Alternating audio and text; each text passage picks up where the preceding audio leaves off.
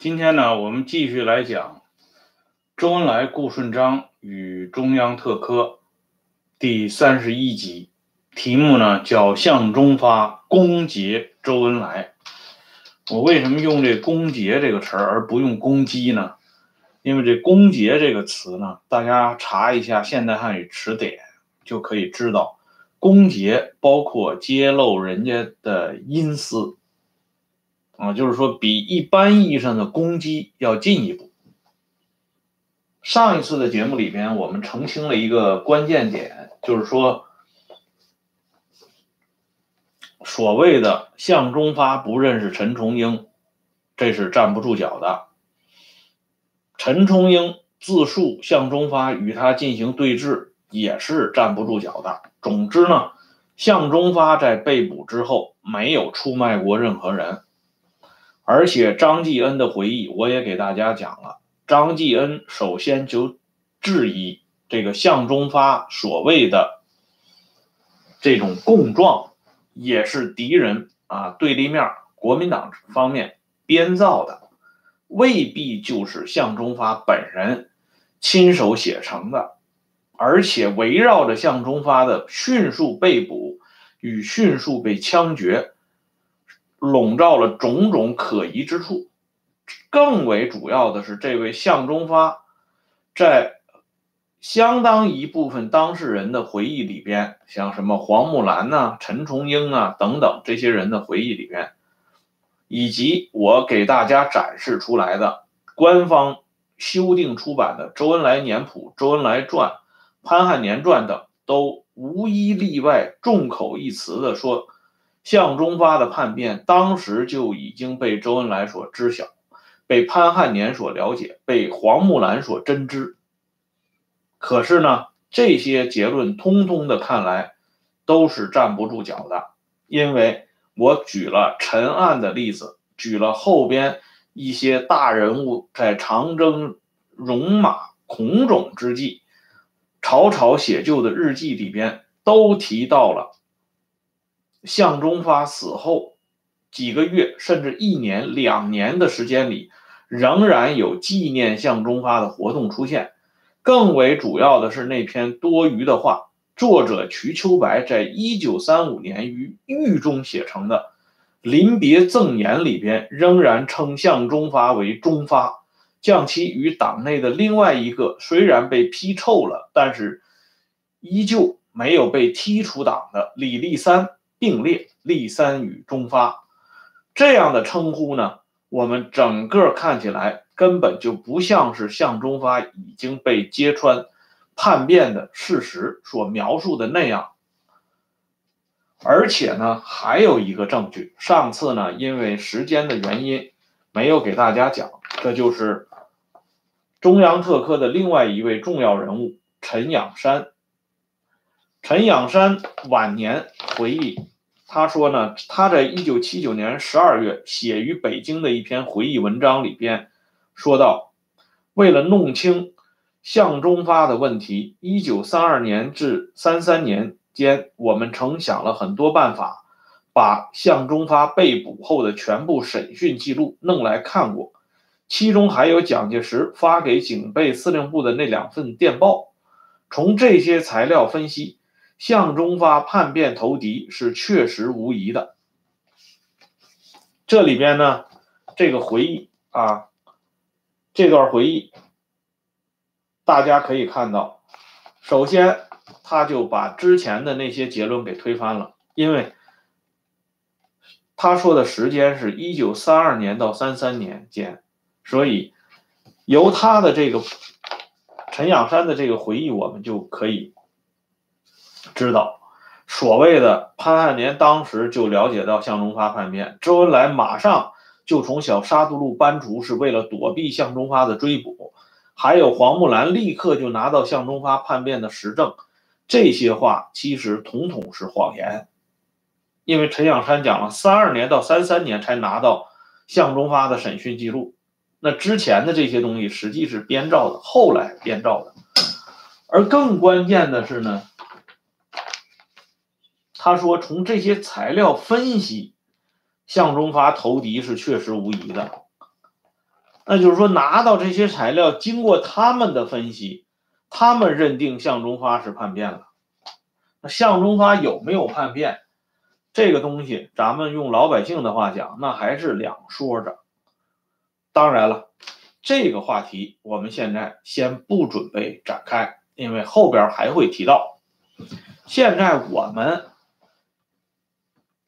要讲的是蒋介石发的这两封电报，一前一后，一个是要求马上枪决，一个是暂缓枪决。它的根据是什么呢？根据陈养山的回忆里，他可没提到，他提的只是说蒋介石的两封电报。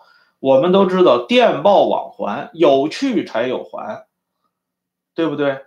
那蒋介石根据什么在第一封电报里言辞峻句啊，照准枪决？第二封是暂缓枪决，这个中间发生了什么样的变化？这个本身就是一个非常大的疑点。而之前是什么人让蒋介石下出？这个照准枪决的命令呢？这才是探讨向忠发有没有叛变的核心地带。但是现在呢，我们都先不想讲这些东西，因为我要给大家展示另外一个人物，那就是周恩来。为什么他一口咬定向忠发叛变？这就要从周恩来与向忠发他们两个人之间的历史关系上找寻答案。也是找寻一个真实的周恩来必经的步骤之一。这就回到刚才我的这个标题上，向忠发攻讦周恩来这个话呢，一说呢，就说的很远了，因为要从一九二八年一月说起。在说这个话题之前呢，我可以稍微再剧透一下，就是在了解向忠发叛变的所谓叛变的一个重要人物曹炳生啊和他的老爹曹子白，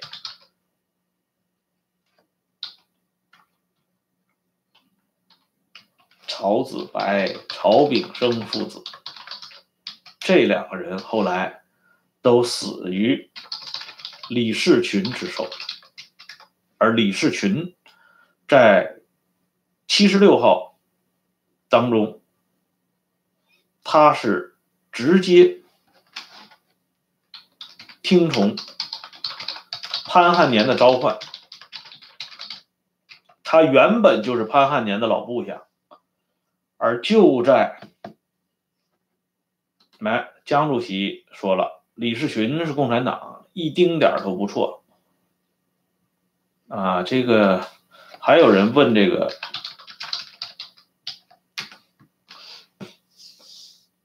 这个我给他打一下吧。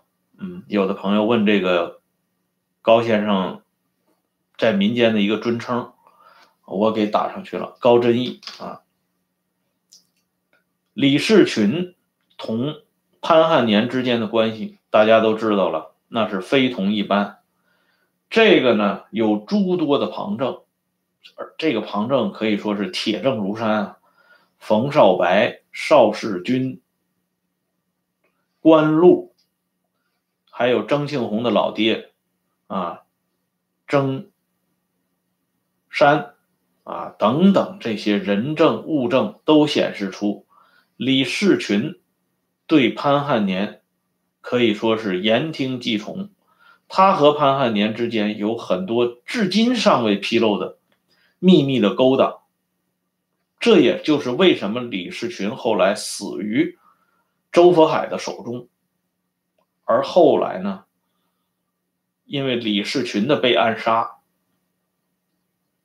中共方面对周佛海非常恼火，可是周佛海呢？因为关在监狱里，后来就病死在里边了，没有办法对他进行报复。于是周佛海的儿子周幼海，这个人后来起个名字很有意思啊，给自己起了个名字叫周之友。嗯，这个人做过上海市公安局的副科长，周之友。他呢是一心一意的跟着党组织跑，可是党组织对他一直是防范戒备。后来干脆就借潘汉年杨帆事件，把这个周之友收监关押。这个周之友后来放出来以后，整个这个人精神都不对了，就出现了严重的精神分裂症。啊，也就是说，从周之友的身上，我们也可以看到周佛海当初杀掉李李士群给党组织所造成的创痛，而李士群的老婆。和李士群的儿子都受到了组织的严密的保护。这个李士群的儿子呢，后来还在内蒙古做过一个厂的厂长。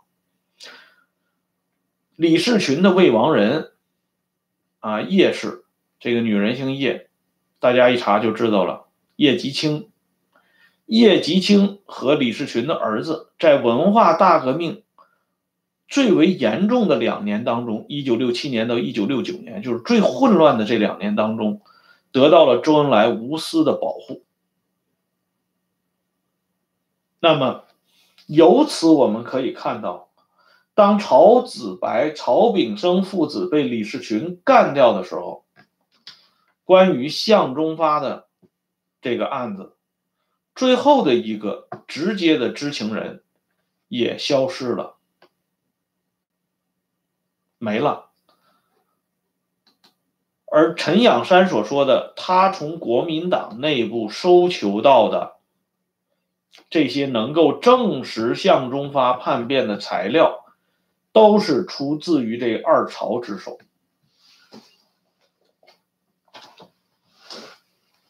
这二朝呢，却死在了李士群手中。一九八零年，《党史资料重刊》第二期刊登了邵世军的亲属冯少白，当时在新四军担任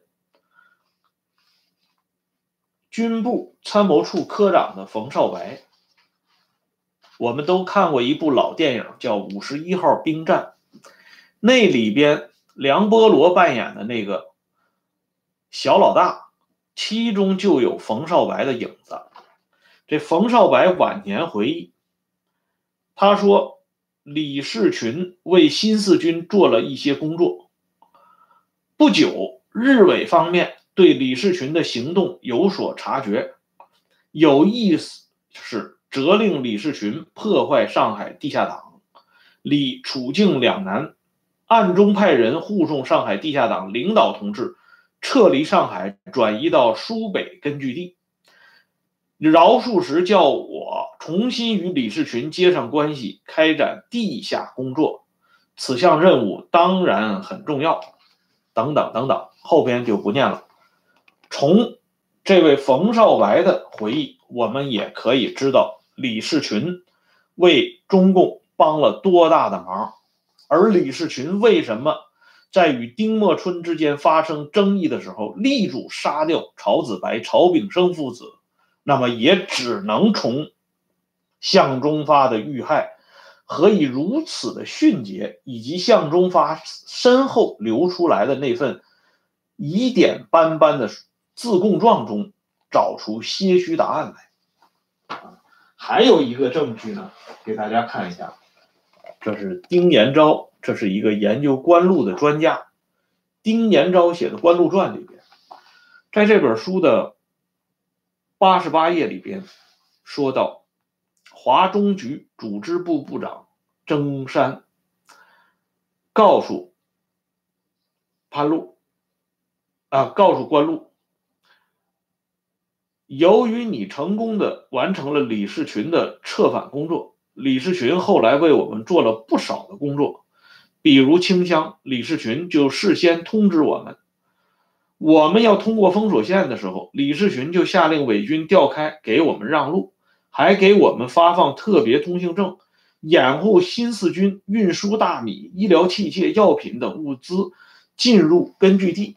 你看看这个李士群啊，这人为新四军办了多少的事儿啊？他简直就是。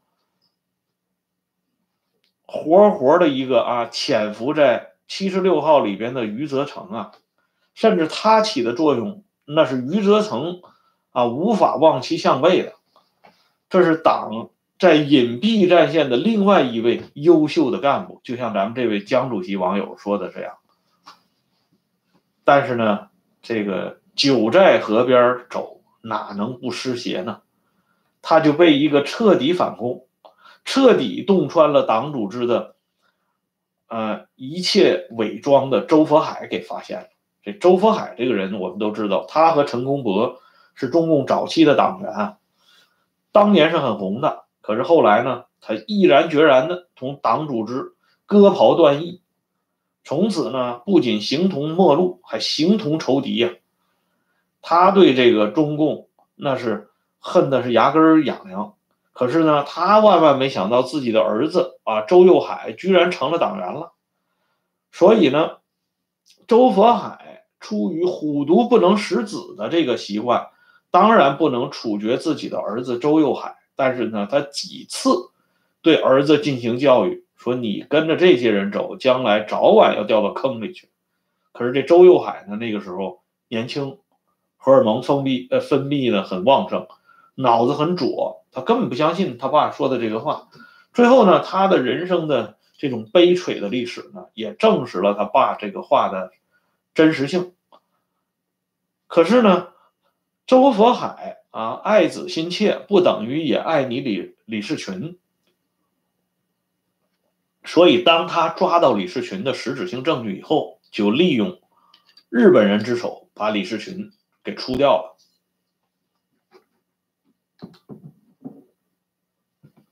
而这些呢，都跟这个曹子白、曹炳生乃至向忠发的被秘密迅速处决有直接的关联。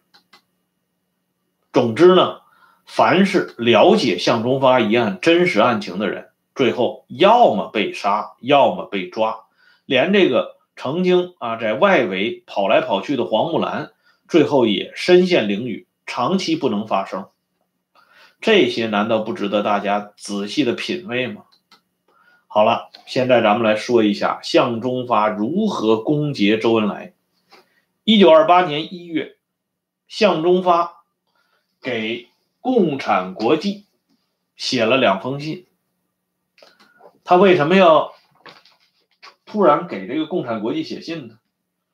因为这个时候，向忠发被共产国际从休养的地点召回到莫斯科，准备代表中共中央出席共产国际第九次执行委员会扩大的会议。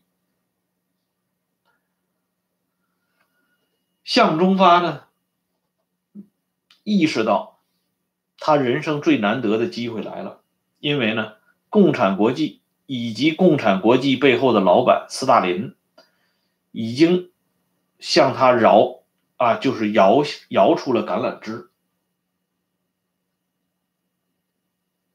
他必须有所举动，才能很好的回应上级党组织对他的如此的器重。也才能打开他自己在政治上的局面，这样呢，就有了他写这两封信的动机。这两封信呢，是写给了共产国际和联共布尔什维克中央领导同志，当然就是写给布哈林和这个斯大林这样量级的人物。这封两封信当中呢，向忠发可以说是尽情的挥洒自己对一九二七年清党以来中共党组织遭到严重挫折和破坏所激起的种种的不满的情绪，这些情绪最终呢就表现出啊，表现为他对这些。目前还在台上活跃的中共高层领导人的种种的不满，比如说他指责蔡和森和彭树之之之间内讧，这个知识分子啊就就喜欢互相咬来咬去，然后呢，这罗亦农呢和这个蔡和森以及瞿秋白这三个人的三角关系不是三角恋爱，而是黑三角也是互相咬。包括陈独秀的儿子陈乔年啊，居然是擅自啊擅自改组长江局各级组织，目无领导，完全没有组织组织性、纪律性。而他说到周恩来的时候，琢磨不多，可是呢，说的两点都扎到了狠处。他说周恩来什么呢？他说周恩来两条。一个是政治思想上右倾，再一个是周恩来这个人，在政治上不坚定。大家以往的印象认为向忠发这个人是个草莽啊，像叶永烈描述的《历史选择了毛泽东》那本书里面。甚至把向忠发说成了他已经厌倦了做中共中央总书记这个位置，就想跟他的姘头杨秀珍混在一起啊，一辈子厮守，说的好像是这冒辟疆和董小宛一样，不是这么回事儿。钱向忠发不是钱谦益，他的那个姘头杨秀珍也不是柳如是，他没有那样的情怀。向忠发按照杨奎松的考证。这个人对政治是相当热衷的，而且一旦抓到了权力，那是死死抓着不放的。他要求的他的中共中央总书记这个位置，不仅要有荣誉，也要有实权。而且向忠发在这方面做出了诸多的努力，且努力的结果呢也相当可观。由此，我们再看向忠发的这封。信当中对周恩来的攻讦，那不是没有筹筹划和算计的，不是稀里糊涂的就写这么两笔的。因为向忠发很清楚，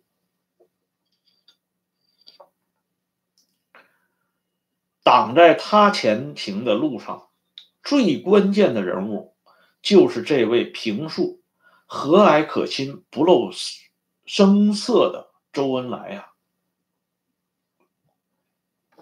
我之前为什么讲斯大林发动大清洗的那那一篇呢？《读书札记》里边，我给大家念了麦德韦杰夫在书中的最有名的那句话，他引用了一个东方智者说的这个谚语：“凶恶的统治者永远惧怕自己的部下。”向忠发当然不是一个凶恶的统统治者。